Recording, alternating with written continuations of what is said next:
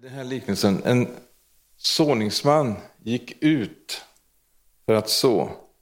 Han satt inte hemma, han gjorde inte någonting annat, utan han gick ut för att så.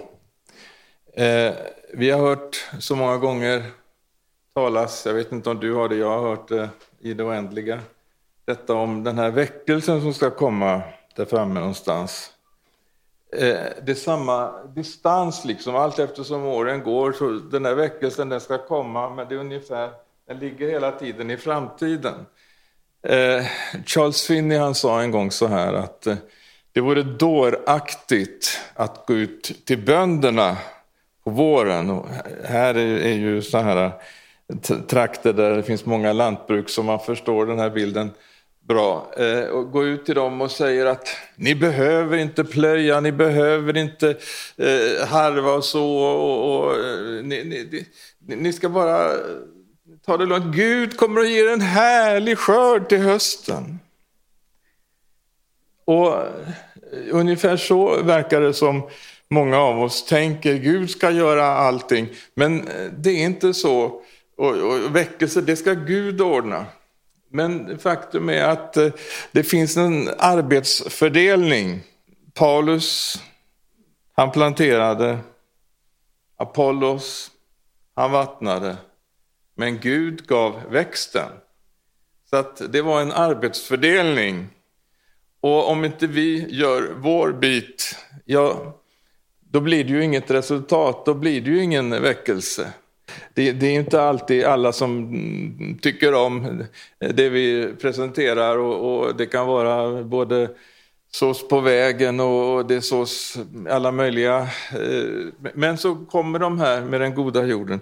Jag vet ju själv när jag var här nere på Närpes bageri igår och skulle vittna för gubbarna där på uteserveringen. Det, det, var inte sådär, det var inte den där goda jorden riktigt då vid det tillfället. Eh, men, men jag tänker så här ibland, att eh, det är inte alltid att det liksom leder fram till ett resultat, men man kan få vara en sån där station på vägen. Så att eh, det blev ändå en påminnelse för de som satt där att Gud söker dem och att han vill att de ska bli frälsta. Och, och, så småningom så kanske den där eh, livskrisen kommer eller det händer någonting där framme som gör att man funderar, ja men nu, vänta nu, vad var det han sa där? Så att eh, bli inte förskräckt om inte alla tar emot allt på en gång och, och, säger att de bara vill bli frälsta med en gång. För så kommer det inte att bli, det utlovar inte Jesus. Utan det finns många olika sorters jordmån. Men det, det är den som sår som får skörda. De som inte sår får inte skörda. Den som sår rikligt, han får skörda rikligt. Hur många vill skörda rikligt? Ja, det är ju 30 procent här. Så att eh, jag eh, älskar att höra det här, uppmaningarna till evangelisation. Det, det är verkligen Eh, det är det, vi ska, det är det vi kallade till. Så länge vi är här i den här världen så ska vi vara vittnen. Eller hur? Vi är så vana vid att överlämna på entreprenad åt pastorn. Vi betalar pastorn och så ska han liksom ordna, han ska eh, ge oss Guds ord och han ska liksom serva oss på olika sätt. Och så blir vi liksom som en slags eh, passiv massa. Det är helt obibliskt. Herren vill att vi allesammans ska komma i tjänst för honom och, och, på olika sätt vara med. Vi är ett heligt prästerskap. Alla ska vara med och förkunna i alla de olika sammanhang där vi finns. Där vill Herren använda oss. Tror du det så säg amen. Ja, då så. Ehm, vi har många exempel i historien eh, på de som liksom har gått före, som har röjt vägen och, och som Johannes döparen har berett vägen för Herren. Eh, men någonting som jag speciellt tänker på i samband med det här, det är ju faktiskt, när vi ser framåt så handlar det om också de generationer som växer upp, de som så att säga är unga, de som är barn och unga, det är ju de som är framtiden. Vi talade om historien och alla dessa underbara troshjältar som vi liksom kan se och, och, och, och, och se tillbaka på och se hur de så att säga fick eh, fullborda sitt lopp. Men nu är det du och jag som har fått stafettpinnen. Nu är det vi som ska springa vår sträcka. Och Det handlar också om att liksom förbereda en kommande generation. Och Jag ska läsa ett bibelord, psalm 78, andra versen. Det, det står så här.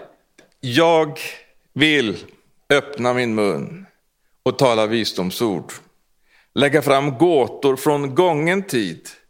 Vad vi har hört och lärt känna, vad våra fäder berättat för oss, vill vi inte dölja för deras barn. För det kommande släktet förkunnar vi Herrens lov, hans makt och de under han har gjort. Han upprättade ett vittnesbörd i Jakob, han gav sin undervisning i Israel och befallde våra fäder eh, att lära ut den till sina barn så att den blev känd för det kommande släktet, de barn som skulle födas. Och de i sin tur skulle berätta för sina barn så att de sätter sitt hopp till Gud och inte glömmer Guds gärningar utan följer hans bud. Nu när jag ser ut över publiken här så tror jag inte att det är jättemånga småbarnsföräldrar här. Men eh, det jag ska tala om nu, det är oerhört viktigt för oss allesammans, även om ni är så att säga i, i min ålder, pensionärer. Så är, det här är viktigt för oss allesammans, för vi har ett ansvar för de kommande generationerna. Och, och, Vi kanske har vuxna barn eller vi har barnbarn eller det finns barn på olika sätt. Men oavsett, framför allt att vi är förebedjare och, och ber. Och, och jag vet att eh, många av er gör det. Ni har barn och barnbarn som ni ber för. Och jag vill bara uppmuntra att fortsätta med det. För att eh, ibland kan det kännas som att eh, ja, det, det, står stilla på olika sätt. Men, men Bönen verkar, det ska du veta. Halleluja, de når upp. Det står om de här stora böneskålarna där uppe framför Guds tron. Och Dit upp samlas de heligas böner. De går dit upp. Och, och eh, Det står att änglarna kommer på och fyller på ännu mer utav den här rökelsen som ju då är de heligas böner. Och till slut så vänds de här skålarna och, och bönesvaren kommer när det blir fullt. Halleluja. Så bara fyll på med bön. Det kommer bönesvar. Herren har lovat att den som beder han får. Halleluja. Men det här är så oerhört viktigt och jag vill verkligen betona det för att eh, jag predikade om det här för ganska exakt ett år sedan. Jag var i Florida i USA, talade på en pastorskonferens där. Och jag talade om det här och efter mötet så kom de och sa, det är precis det här som är vårt problem och som vi måste verkligen ta tag i det är detta med de kommande generationerna. Därför att det finns så många krafter eh, idag i, i vår kultur som just har barnen och ungdomarna som sin målgrupp. Och det är verkligen sataniska krafter jag talar om. Och det kommer på många olika områden. Det är liksom eh, det som förr så att säga kunde upplevas som eh, kan man säga, oskyldigt med animerade filmer och annat. Idag, Disney-industrin, de, predikar ett budskap och predikar in i barnens sinnen om att de liksom ska liksom bli, bli vänligt inställda till, till samkönade äktenskap och könsbyten och alla möjliga saker. Det kommer genom de här kanalerna som speciellt riktar sig till barnen. Och vi vet också hur, eh, hur det har utgått ifrån WHO. Så har det utgått direktiv till världens länder eller till FNs medlemsländer om detta med, med undervisningen för barn. Att man ska börja liksom med, med en sexualundervisning. Man har gjort ett program alltså som är helt ruskigt att läsa. Från 0 till 4 år, från 5 till 7 år, från 8 till 9 år och, och, och, och, så vidare uppåt. Och så hur man nu ska portionera ut alltså en, en, en helt eh, smutsig moral till, till de unga. Det, det handlar om, om ren förförelse. Och, och saker och ting som små barn inte alls överhuvudtaget ska, ska, ska, ska veta någonting om eller åtminstone inte lära sig i skolan. Det ska de lära sig i hemmet av sina föräldrar. Och, och så att eh, vad det handlar om eh, på område efter område, du har underhållningsindustrin, du har eh, detta med så att säga en, en, en eh, agenda eh, från en slags eh, ja, översexualiserad. Det ska finnas, i Sverige har vi så nu att eh, nu har man en ny skollag, eh, en, en ny läroplan har vi. Eh, som då, där det skrivs att barnen ska liksom i undervisningen, i varje ämne kan du tänka dig, så ska det ingå sexualundervisning. Alltså det, det, det är helt sjukt. Samtidigt som man då har förbjudit liksom att vi får inte be i skolan och, och man får inte liksom sjunga salmer i skolan. Man, det får Gud får inte vara i skolan. Men då kommer ju detta då som en ny Gud då, eller avgud, med, med sexualiteten. Och, så att, vad, vad jag säger nu det är det att barnen blir utsatta för, för, för oerhörda krafter Eh, och, och eh, de behöver verkligen få, få utav föräldrar eller mor och farföräldrar så behöver de få bygga upp sitt immunförsvar. Därför att eh, de, de blir verkligen utsatta för saker och ting när, när, eh, för, när föräldrar inte kan nå dem. Vi vet hur noga Herren var Eh, redan i, i Moseböckerna läser vi femte Mosebok, eh, det, det sjätte kapitlet. Då står det så här. Du, eh, femte Mosebok 6 och 5 står det. Och du ska älska Herren din Gud av hela ditt hjärta, av hela din själ och, och av hela din kraft. Dessa ord som jag idag befaller dig ska du lägga på ditt hjärta. Du ska inskärpa dem hos dina barn du ska tala till dem när de sitter i ditt hus, när du går på vägen, när du lägger dig, när du stiger upp. Du ska binda dem som ett tecken på din hand och de ska vara som en påminnelse på din panna och du ska skriva dem på dörrposterna i ditt hus och på dina portar. Oj, oj, oj! Det var liksom eh, eh, en ständig påminnelse om vad, vad, Gud så att säga ville att dessa barn och unga skulle lära sig. Och, och, och som ordspråket säger, vänj den unge vid en väg han ska vandra, så viker han inte av från den när han blir äldre. Det här var liksom eh, de, den ordning som Gud liksom satte upp. och, och Idag så har vi ju liksom sett att det har skett en stor förskjutning. Eh, det är mycket tv och annat som liksom eh, har kommit in.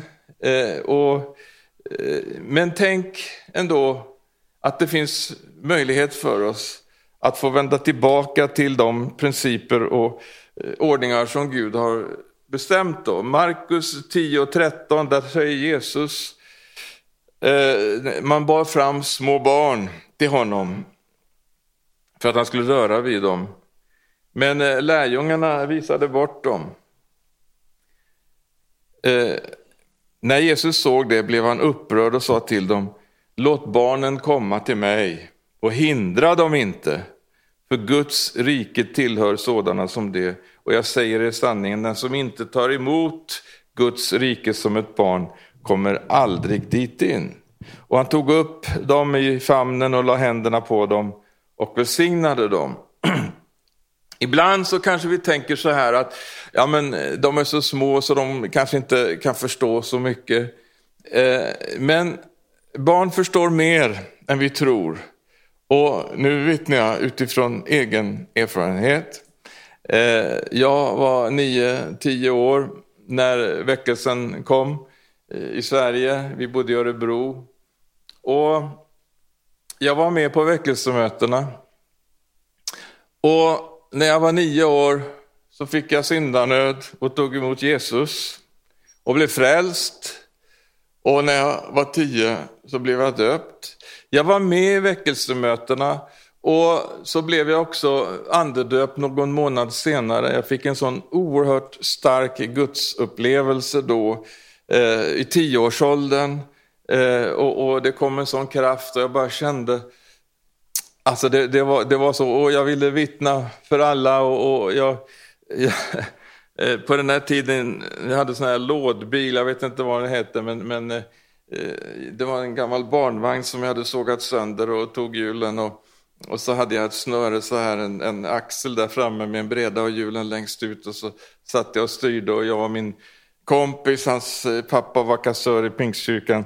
Vi åkte där i backen tillsammans med våra lådbilar. Men så en dag när jag hade varit på väckelsemöte och hört om det här, vad viktigt det är liksom att vi är vittnen, så, så tänkte jag, ja, jag ska skriva. Jag hade liksom lite så här sarg på sidorna så här. Så skrev jag, Jesus lever och, och den som tror på Herren Jesus, han blir frälst. Och jag skrev liksom olika bibelord runt omkring det. Och, och, och, eh, och så tänkte jag så här, så gick jag genom det här äh, bostadsområdet där vi bodde och så drog jag den där efter mig liksom eh, på, på vägarna runt där. Jag, jag, såg folk stod och tittade ut så här genom fönstret. Men det, liksom, det var mitt sätt att liksom försöka vittna om Jesus då. Jag var 10-11 år men jag hade ändå förstått att det var viktigt att vi vittnar om Jesus. Och det som jag hade tagit emot av, av denna frälsningsupplevelse och denna starka upplevelse utav eh, andedopet, eh, det gjorde att jag ville ju att andra också skulle vara med om det. Och när det då var inbjudan på mötena, eh, just till detta, man bad för, för sjuka som blev friska och man bad för de som ville bli frälsta och de som ville bli andedöpta. Och jag kände när det kom fram sådana som ville bli andedöpta att det, det, skulle jag ta hand om. Liksom. Jag, jag gick där och det var väl så här, ja, någonting sånt lång ungefär. Eh, och bad och det var väl några som tyckte, ja men ska barnen vara med här? Det var en äldstebroder som grymtade till lite. Men ja, sa pappa, låt dem vara med och be. Och, och, och, det var så härligt när man fick be igenom någon till andens dop och man hörde liksom eh, hur de började tala i tungor och så här. Så att eh, vad jag försöker säga nu det är det att barnen behöver inte stå på någon slags tillväxt och vänta till att de blir vuxna nog så, och tills vi tror att de förstår. Barn förstår mycket bättre än det vi många gånger tror. Eh, och så att eh, se till att barnen får komma med och det är vi noga med hemma i församlingen också, att generationerna får stå tillsammans. För att det är så viktigt. Ah, den här eh, separationen som har skett under de senare åren nu, vi ser liksom olika kulturer, det är, ungdoms, det är barnkultur och ungdomskultur, Eh, Eh, det, det, eh, är någonting där mittemellan så finns det en vuxenkultur och så finns det en äldrekultur. Och, och det där liksom präglar då gudstjänster att eh, vissa ska absolut bara sjunga vissa sånger, andra ska absolut bara sjunga de sångerna. Och så krigar man liksom om, om olika eh, sätt och, och, sånger och allt möjligt konstigt.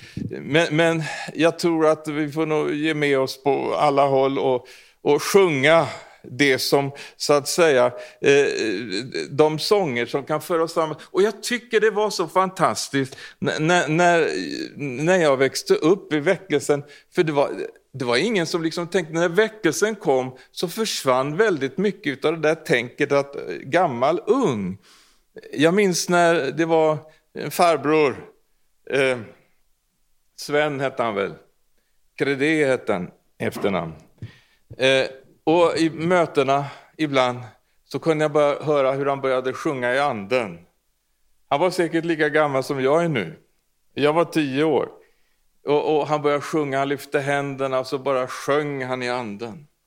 Och, och, och, det var, och jag tyckte, åh, liksom, det var som att änglarna kom ner och bara sjöng tillsammans med, med den här brodern. Och, och, det var en sån härlig stämning och atmosfär tyckte jag. Och, och, inte tänkte jag på att han var en gammal gubbe, liksom, utan det var liksom gudsnärvaron som var det viktiga. Och, och, och där fanns unga och där fanns äldre. Och, det var ingen som liksom gjorde de där äh, uppdelningarna. Vi hade inte ens söndagsskola vid den tiden faktiskt. Utan vi barn ville vara med på väckelsemötena. Vi tyckte det var så härligt. Och, och jag vet, de där väckelsemötena var ju på söndagkvällar klockan 19 och, och, och, jag skulle iväg till skolan på morgonen och mamma hon sa att eh, nej, du kan inte gå på mötet ikväll nu för då orkar du inte till skolan imorgon. Men då sa jag till mamma, mamma, jag orkar inte gå till skolan imorgon om jag inte får gå på väckelsemöte. Och, och så var det verkligen. För att det, när man fick möta Gud på de där väckelsemötena, det var som en bärande kraft för veckan. Och, och det, det, var tufft i skolan, det var mobbing och, och det var liksom allt då. För att eh, mitt namn, efternamn i alla fall och halva förnamn förekommer ju på löpsedlarna eh, var och varannan vecka på Expressen och Aftonbladet med sådana här stora grotesker och alltid var det någonting man skulle skandalisera. Och det där återspeglar sig naturligtvis i skolmiljön på olika sätt. Då. Men just genom att jag fick uppleva så oerhört mycket utav eh, att komma på mötena och uppleva Guds härlighet på ett sånt sätt. Det, det gjorde att jag kände mig så buren i skolan. Men eh, nu kan du ju tänka dig idag hur det är för, för våra barn eller barnbarn att liksom gå i den skolan som ju allt mer liksom har utvecklats i, i en antikristlig riktning verkligen. Nu har säkerligen inte utvecklingen gått lika långt i Finland som i Sverige. Finland brukar komma ungefär tio år efter i allt det dåliga som händer i Sverige, har jag förstått.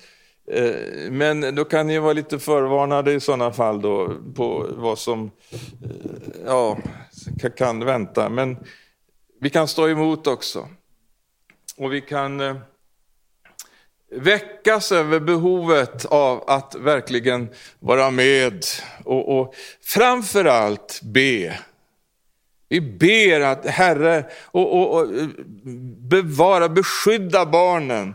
Vi, vi, vi, vi, ber för dem och vi lyfter dem fram inför Herrens ansikte. Och, och så kommer vi jag, jag tror på barnväckelse faktiskt. Det har vi sett förr i tiden. I, eh, eh, det finns en film som går i Sverige nu, jag vet inte om den har nått hit till Finland. Men eh, det är några som har gjort en film om, om roparörelsen. Jag vet inte, är någon här som har sett den? Det har ni kanske inte gjort. Eh, men det är väldigt intressant med den barnväckelsen som gick fram då för ett par hundra år sedan. Då det var barnen speciellt som fick vara med och ropa ut budskapet om, om Jesus de kunde stå på hustak och överallt och ropa. Det var därför det kallas för roparrörelsen eller roparväckelsen. Men eh, jag vill läsa några fler bibelord med er här. Det temat, eller det understryker det jag sagt nu. Den sista versen i Gamla Testamentet, eh, Malaki 4 och 6. Då står det så här att han ska vända fädernas hjärtan till barnen och barnens hjärtan till deras fäder, så att jag inte kommer och viger landet åt förintelse. Så att här ser vi att det är liksom ingenting som vi kan ta lätt på, utan det handlar faktiskt om, om att eh, avvärja en kommande katastrof. Han ska vända fädernas hjärtan till barnen och barnens hjärtan till fäderna. så att jag inte kommer och viger landet åt förintelse. Vi vet att det finns underbara löften också i Guds ord och, och just när det gäller barnen. Och, eh, på, på pingstdagen så citerar ju Petrus ifrån Joels, eh, profeten Joel. Han, jag, jag läser det i Apostlagärningarna 2 och 17.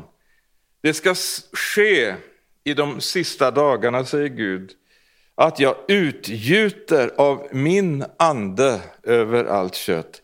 Era söner och era döttrar ska profetera. Era unga ska se syner och era gamla ska ha drömmar. Och Det står inte hur gamla de här sönerna och döttrarna är, men det kan mycket väl vara så att det är riktigt tidigt så blir de så att säga Eh, får de eh, nådegåvor och kan vara med och profetera och så vidare. Det, det, den heliga ande kan verkligen ta barnen och använda dem som sina redskap. Det tror vi på. Era söner och era döttrar ska profetera. Halleluja, vilket underbart eh, löfte. De ska profetera, de ska inte ute vara på, på gatan och svära, de ska komma in i Herrens närhet och höra honom tala och de ska profetera. Det, det, är det, som vi, det är det löftet som vi vill, vill ta till. Det står också i den 38 versen här i samma kapitel. Eh, eh, Petrus säger att ni ska få den heliga ande som gåva och löftet gäller er och era barn och alla de som är långt borta, alla som Herren vår Gud kallar. Halleluja. Ta tag i de löftena där. Och, och, och bed om det. Och ser du inte att det är så idag, så, så, så bara stå på i bön. Herren säger, era söner och era döttrar ska profetera. Se det framför dig, att Herren han kommer att göra det här. Han, han, han kommer att höra min bön. Andra Timoteus 1 och 5. Så står det så här. Jag tänker på den uppriktiga tro som finns hos dig och som först fanns hos din mormor Louise. Finns det någon mormor här idag? Ja, den fanns först där. Och så gick den vidare till din mor Eunice och som nu, det är jag övertygad om, också finns hos dig, barnbarnet Timoteus. Eller barnet Timoteus. Det gick vidare i generationerna. Halleluja! Och så vill Gud att det ska fungera. Eh, jag nämnde här om de här eh, krafterna som är ute efter barnen. Och, och vi, vi, ser, jag nämnde om olika saker och, och, det finns ju någonting annat som är alldeles fruktansvärt. Jag vet inte hur ni har det i Finland, men jag talar utifrån svenska förhållanden. Man har slängt ut Gud och psalmerna och, och, och, bibelläsning och allt sådant från skolan och så har man välkomnat någonting som heter RFSL. Så bjuder man in dem i skolan och så ska de sitta och, och lärarna får inte vara med utan de ska sitta där med sin förförelse och, och liksom utsätta barnen för någonting. De ska känna efter vad de är för kön. Har du hört någonting så bedrövligt? Man ska känna efter vad man är för... Ja, men det, det, det är väl biologiskt bevisat. Det skrevs väl när man föddes i födelseattesten vad, vad man är för kön. Alltså, vi ser det så sinnes, en så sinnessjuk kultur som vi lever i. Och, och vi som Guds folk, tiden är inne att vakna. Vi måste vakna upp och, och, verkligen förstå vilken tid vi lever i och, och kunna liksom stå emot det här och, och kunna förklara för, för alla, eh, både barn och unga och äldre och alla att, att eh, så, så här står det, Gud skapade oss till man och kvinna. Ja, han har skapat oss till man och kvinna. Och han har, liksom, eh, han har också skapat detta med äktenskapet mellan en man och en kvinna.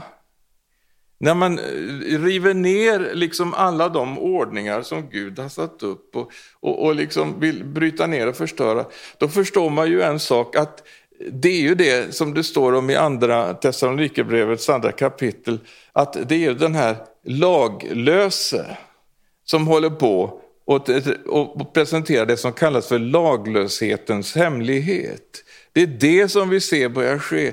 Men det står där i det kapitlet om de som står emot.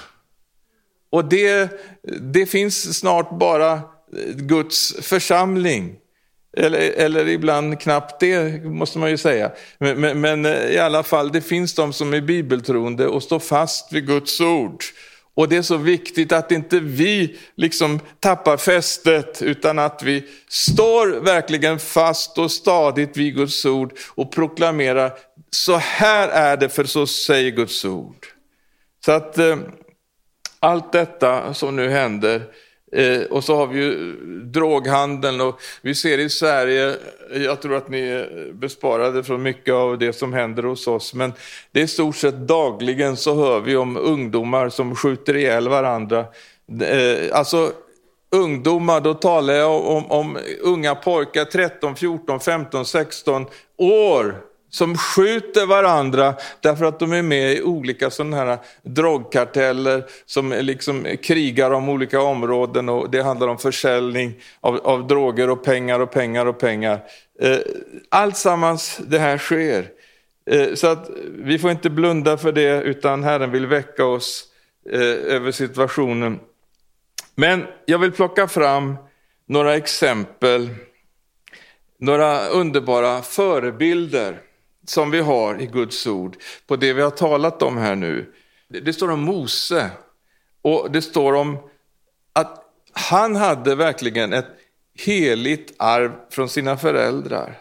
De, de älskade Gud och de bröt mot faraos lag. De tog undan sitt barn fastän kungen hade sagt att alla gossebarn skulle dödas. De var olydiga. Vi kan läsa här i 23 versen i 11 kapitlet Hebreerbrevet. I tron hölls den nyfödde Mose gömd av sina föräldrar i tre månader. De såg att det var ett vackert barn och lät sig inte skrämmas av kungens påbud. I tron vägrade Mose som vuxen att kallas faraos dotterson han valde att hellre bli förtryckt tillsammans med Guds folk än att ha en kortvarig njutning av synden. Han räknade Kristi vanära som en större rikedom än Egyptens alla skatter, för att han hade blicken riktad mot lönen. Och genom tron lämnade han Egypten utan att frukta kungens vrede. Han höll ut därför att han liksom såg den osynlige. Eh, Mose föräldrar, de lät sig inte skrämmas av några myndighetsdekret. De gömde undan barnet. De, de eh, höll Mose undan och vi vet sedan eh, vad som hände, hur han hamnade i kungens hus och så vidare. Denna, vad ska vi säga, fasthet och, och, och detta att verkligen stå upp för sanningen och Guds ord, det gick vidare eh, i en, en ny generation från Mose föräldrar till Mose. Och han fick så småningom det här uppdraget att vara med och föra ut Guds folk ut ur Egypten. Och då är det så intressant att se liksom den heliga beslutsamhet och fasthet som finns hos Mose när han står där inför farao och vi vet att farao han vill verkligen inte gå med på eh, något eh, sådant när, när Mose och Aron kommer och säger släpp mitt folk så att de kan hålla högtid åt mig i öknen, eh, talade Herren genom dem. Men farao vill inte, och det, vi vet den där processen, vi ska inte ta så lång tid med det, men i alla fall när det kommer mot så att säga, sluttampen där farao har mm, liksom gett med sig bit för bit. Men så vill han då hitta en kompromiss. Andra Mosebok 10, 8. Gå och håll gudstjänst åt Herren er Gud då. Men vilka är det som ska gå?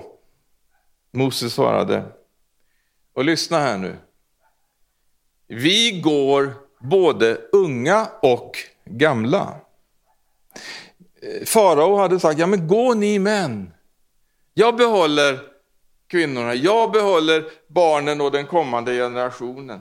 Och det är ungefär så vi kan se idag också. N när liksom eh, de här filosofierna, ideologierna som man liksom vill sjösätta, man satsar stenhårt på barnen. Man vill ta dem så tidigt som möjligt. De ska helst börja skolan när de är tre år så att man kan utsätta dem hela vägen eh, och, och, och koppla dem bort ifrån föräldrarna, speciellt om de är konservativa eller kristna på något sätt. Så man kan forma dem redan från början. Så att eh, gå ni män så behåller jag barnen här hos mig, sa farao. Men Mose han sa, vi går både gamla och unga. Vi går med söner och döttrar, med får och kor, eftersom vi ska fira en Herrens högtid.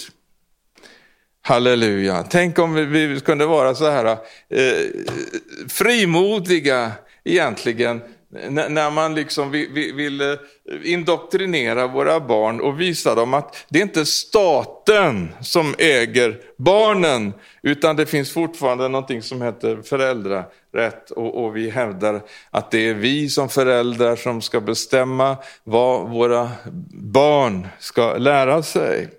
Eh, då säger han eh, så här, eh, farao, Herren vare med er, lika visst som jag släpper er och era små barn.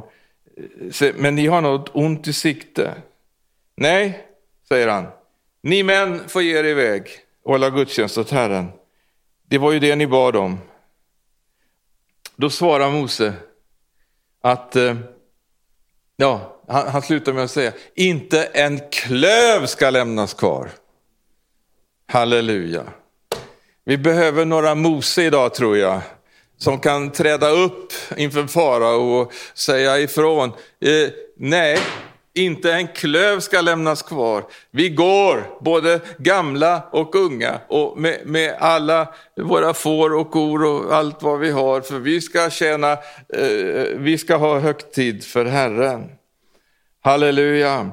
I, i, eh, I det här eh, brevbrevets elfte kapitel det står om, eh, i, vi går till den sjunde versen, så står det i tron byggde Noa en ark i helig fruktan, vadå? För att rädda sin familj. Efter att Gud hade varnat honom för det som ännu inte hade skett, eh, som han ännu inte hade sett. Genom tron blev han värden till dom och ärvde den färdighet som kommer genom tron. Och i den tjugonde versen så står det om Isak som välsignade Jakob och Esau för kommande tider. Och så står det att i tron välsignade den döende Jakob Josefs båda söner och tillbad böjd under ända av sin stav. Vad kommer det att stå i väckelsehistorien om dig och mig? Kommer det att finnas en sån här eh, eh, underbar beskrivning av de kristna i våra länder som stod upp och gjorde som fäderna gjorde. De, de var med. Och Noa han byggde en ark. Det kanske inte är aktuellt för dig att bygga en ark, men vad, vad bygger vi? Vad gör vi? Vad, vad, vad, vad är det som vi behöver göra? Herren ska visa oss eh, eh, hur vi på olika sätt kan vara med och, och vinna en ny generation. För att eh, det är vår kallelse har vi förstått när vi läser Bibeln. Det var så här att en av våra ungdomar på ett universitet vittnade om Jesus och, och för en av utav sina kamrater och lämnade en bok till honom Eh, där det stod eh, ja, om den kristna tron och så vidare. Och då skriver han tillbaka den här unga grabben Ja, det här berör ett mycket intressant problem som jag har funderat mycket på. Och så säger han så här att Problemet berör det värdetomrum som har bildats efter att man har börjat riva ner det som har med en kristen etik och moral att göra i samhället. Den kristna människan fick en tydlig etisk och moralisk grundstomme att stå på som mycket starkt influerade människors tankar och handlande. Nu står vi i ett samhälle utan några som helst riktlinjer hur vi ska handla. Och förvisso är vi många fortfarande en kristen grund med sin, sina etiska riktlinjer, men det finns inga andra tydliga yttre riktlinjer att plocka upp. Ett budskap säger det finns inga absoluta sanningar att hämta för den moderna människan. Och så säger den här grabben, jag tycker mig kunna se en tydlig tendens i dagens samhälle. Vi glider mot en mer och mer egocentrisk värld där människor ser till sitt eget bästa utan att bry sig om sina medmänniskor. Det är något som skrämmer mig väldigt mycket. Det var en grabb på, på ett universitet. Han uttrycker den tomhet, ett värdetomrum som har uppstått när man har tagit bort eh, Gud och Jesus. Och, eh, så att eh, det finns många nu som behöver få det här tomrummet fyllt med Jesus. De behöver få höra evangelium, de behöver få, få, få höra frimodiga vittnen. Ska vi vara med? Eh, jag ska sluta nu, men Gud välsigne er allesammans och, och bara ta tag i den här stafettpinnen och vi bara fortsätter i Jesu namn. Och du som är i bön och förbön, fortsätt, var uthållig, Herren hör dina böner, de når upp till himlen och snart ska vi få se barn och ungdomar komma. Halleluja, vi har fått se det i Göteborg hur Gud har, har liksom börjat frälsa unga människor och, och det, det, det gläder mig speciellt. Och jag, jag måste säga det är någonting som verkligen rör mitt hjärta när jag ser, och, och som Benjamin här och, och, den andra Benjamin också, som liksom rör sig i de här eh, sammanhangen med ungdomar och, och, har en nöd och ett hjärta för, de, ung, för de unga. Eh, bed för dem eh, och deras tjänst är så viktig och ber att Herren reser upp många som kan vara med på det sättet och, och, verkligen nå in i ungdomsvärlden. Det är en av de absolut viktigaste uppgifterna vi har nu. Att vara med och se till att de unga får höra evangelium om Jesus. Att de får det här värdetomrummet, att de bara får fyllas av Jesus, av evangelium och, och, och så att säga får hitta en väg, att de hittar frälsningens väg som vi hörde här.